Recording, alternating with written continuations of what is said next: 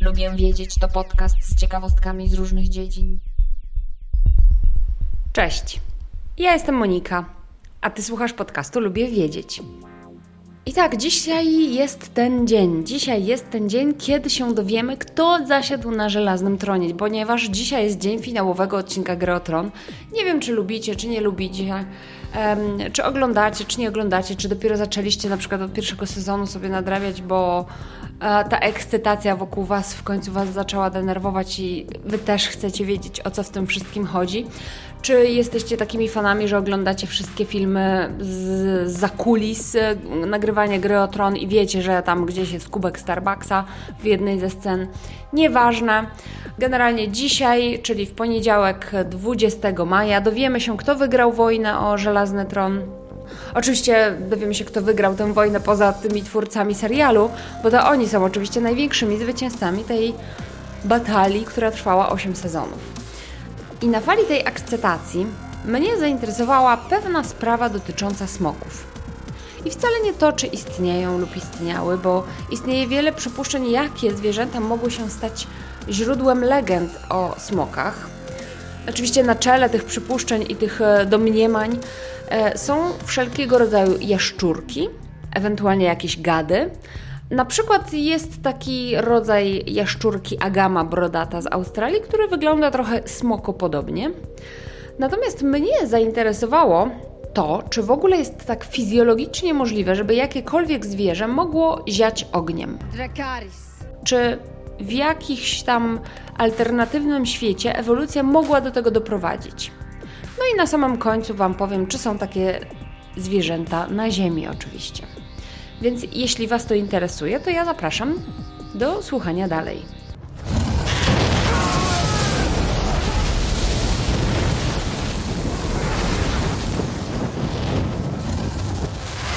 I tak, po pierwsze, żeby można było ziać ogniem, to potrzebne są jakieś takie trzy rzeczy. Zapas czegoś palnego w organizmie, iskra, która zapala tę palną substancję, no i taka mm, pewna psychiczna konstrukcja zwierzęcia, która przede wszystkim daje mu bystrość, która, żeby uniknąć samozapłonu, no i jakaś taka podstawowa odporność na ogień. Mm, wyszły mi cztery rzeczy, nie trzy, więc potrzebne są cztery rzeczy. No i właśnie w ten sposób naukowcy tłumaczą, jak mityczne smoki mogłyby rzeczywiście ziać ogniem, gdyby takie istniały oczywiście, o czym będzie na samym końcu. A zacznijmy od tej iskry, bo podpowiadają naukowcy następujące sposoby do tego, że w jaki sposób organizm zwierzęcia mógłby taką iskrę wywołać, wygenerować. Pierwszym sposobem jest krzesanie ognia, czyli tak jak kiedyś tam sobie neandertalczycy, czy powiedzmy homo sapiens, ale dawno, dawno temu zaczęli eksperymentować z różnymi materiałami znalezionymi gdzieś na ziemi, no i okazało się, że pewne kamienie krzesają iskry. I zwierzę też mogłoby wykorzystać taką umiejętność, taką właściwość, e, powiedzmy, krzemienia, bo na przykład są ptaki, ale też krokodyle i foki, z tego co przeczytałam, które przechowują w żołądku kamienie. Te kamienie są nazywane gastrolitami. I gastrolity mają ptakom lub tym krokodylom i fokom pomagać w rozcieraniu ziaren na drobniejsze kawałki. Jakieże ptaki na przykład nie mają zębów, to wykorzystują je do rozdrabniania właśnie ziaren jedzonego pożywienia i właśnie za pomocą tych kamieni je rozdrabniają. Wcześniej połknęły sobie kamienie i trzymały je w żołądku na lepsze czasy, że tak powiem. I naukowcy sugerują, że smoki mogłyby mieć takie kamienie w żołądku, czy też gdzie indziej, nie wiem, może w jakimś wolu, w podgardlu i wykorzystywać je do skrzesania iskry właśnie.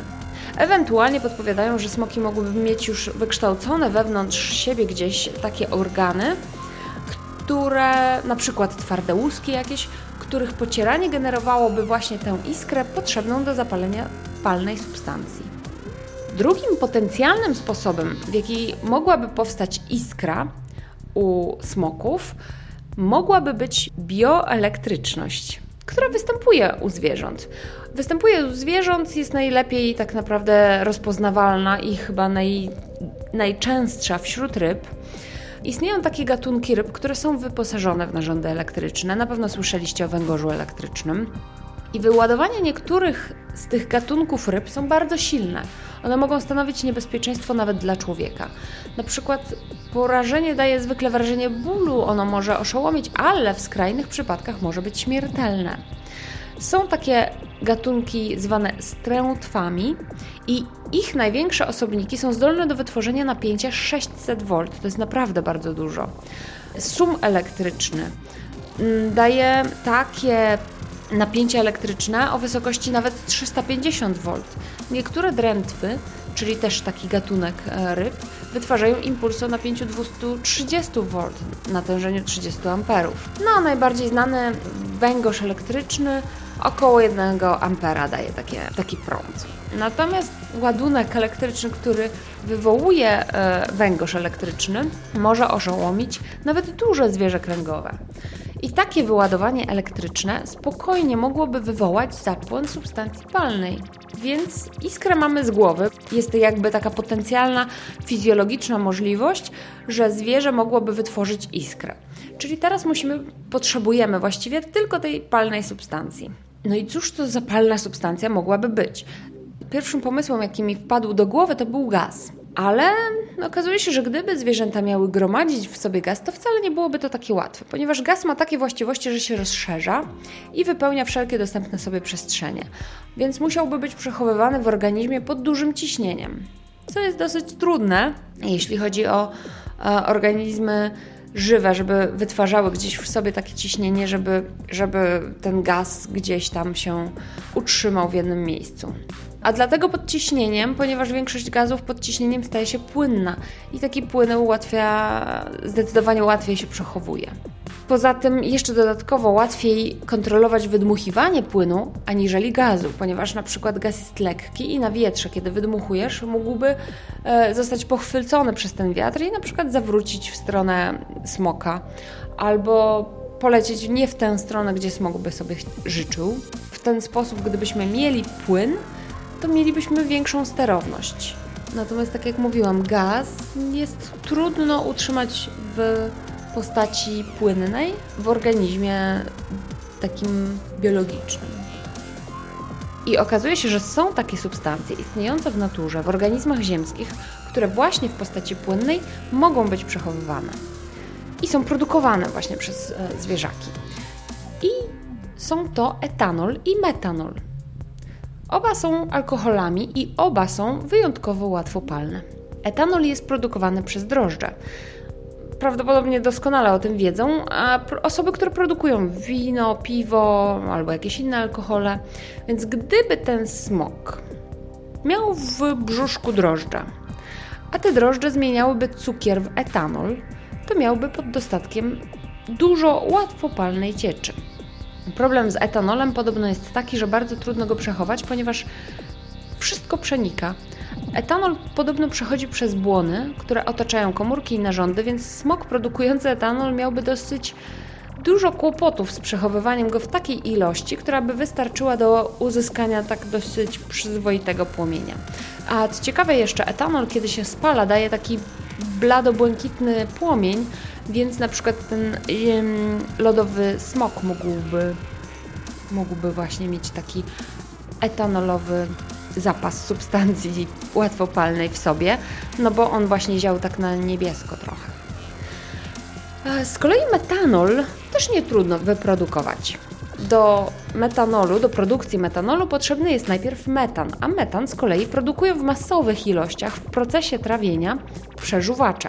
Są to na przykład krowy lub kozy. Z kolei metan bardzo łatwo mm, zmieniają w metanol pewne bakterie.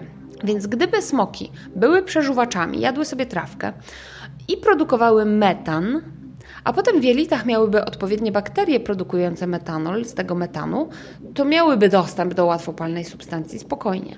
Iskrę i łatwopalną substancję mamy z głowy. Przydałaby się także podstawowa odporność na ciepło. Oczywiście smoki nie muszą być ognioodporne i raczej nie ma takiego Właśnie teraz się zastanawiam, czy jest taki istniejący też na Ziemi taki organizm, który jest odporny na ogień i tak mi nie przychodzi nic do głowy. Jest to bardzo możliwe, że istnieje, natomiast e, powiedzmy, że nie jest to bardzo popularne. No więc smoki nie muszą być ognioodporne, bo przynajmniej jakieś na filmach widzieliście takich miotaczy ognia, którzy plują jakąś naftą czy jakąś inną substancją palną w ogień, no i miotają w ten sposób ogień, to są tacy cyrkowcy. Więc oni nie są ognioodporni, natomiast właśnie wypluwając ten, tą palną substancję, nie muszą być odporni na ogień, muszą być na pewno odporni na widok ognia i muszą być odporni na e, ciepło. Więc no, też zwierzaki musiały w miarę wiedzieć, że jak jest coś ciepłe, to nie trzeba od razu tak bardzo uciekać, tylko po prostu to one są tym źródłem ciepła. No i na sam koniec, niestety nie znamy żadnego zwierzęcia, które miałoby kombinację tych wszystkich trzech elementów, więc smoki niestety nie istnieją. To znaczy nie istnieją takie smoki, które zieją ogniem. Nie istnieją, co więcej, żadne zwierzęta inne, które, które zieją ogniem. Oczywiście jest całe mnóstwo zwierzaków, które czymś plują, które wydalają z siebie jakieś takie nieprzyjemne, toksyczne czasami substancje. Um, mogą to wydalać z siebie otworem gębowym, ale mogą też wydalać z siebie te substancje otworem tylnym. I, I na pewno znacie skunksy, na pewno kojarzycie e, no, te wszystkie węże, które wydzielają jady. Więc e, są też e, chyba jaszczurki, które też plują jadem. No, są takie zwierzaki, natomiast nie znamy żadnego innego zwierzęcia, które zieje ogniem.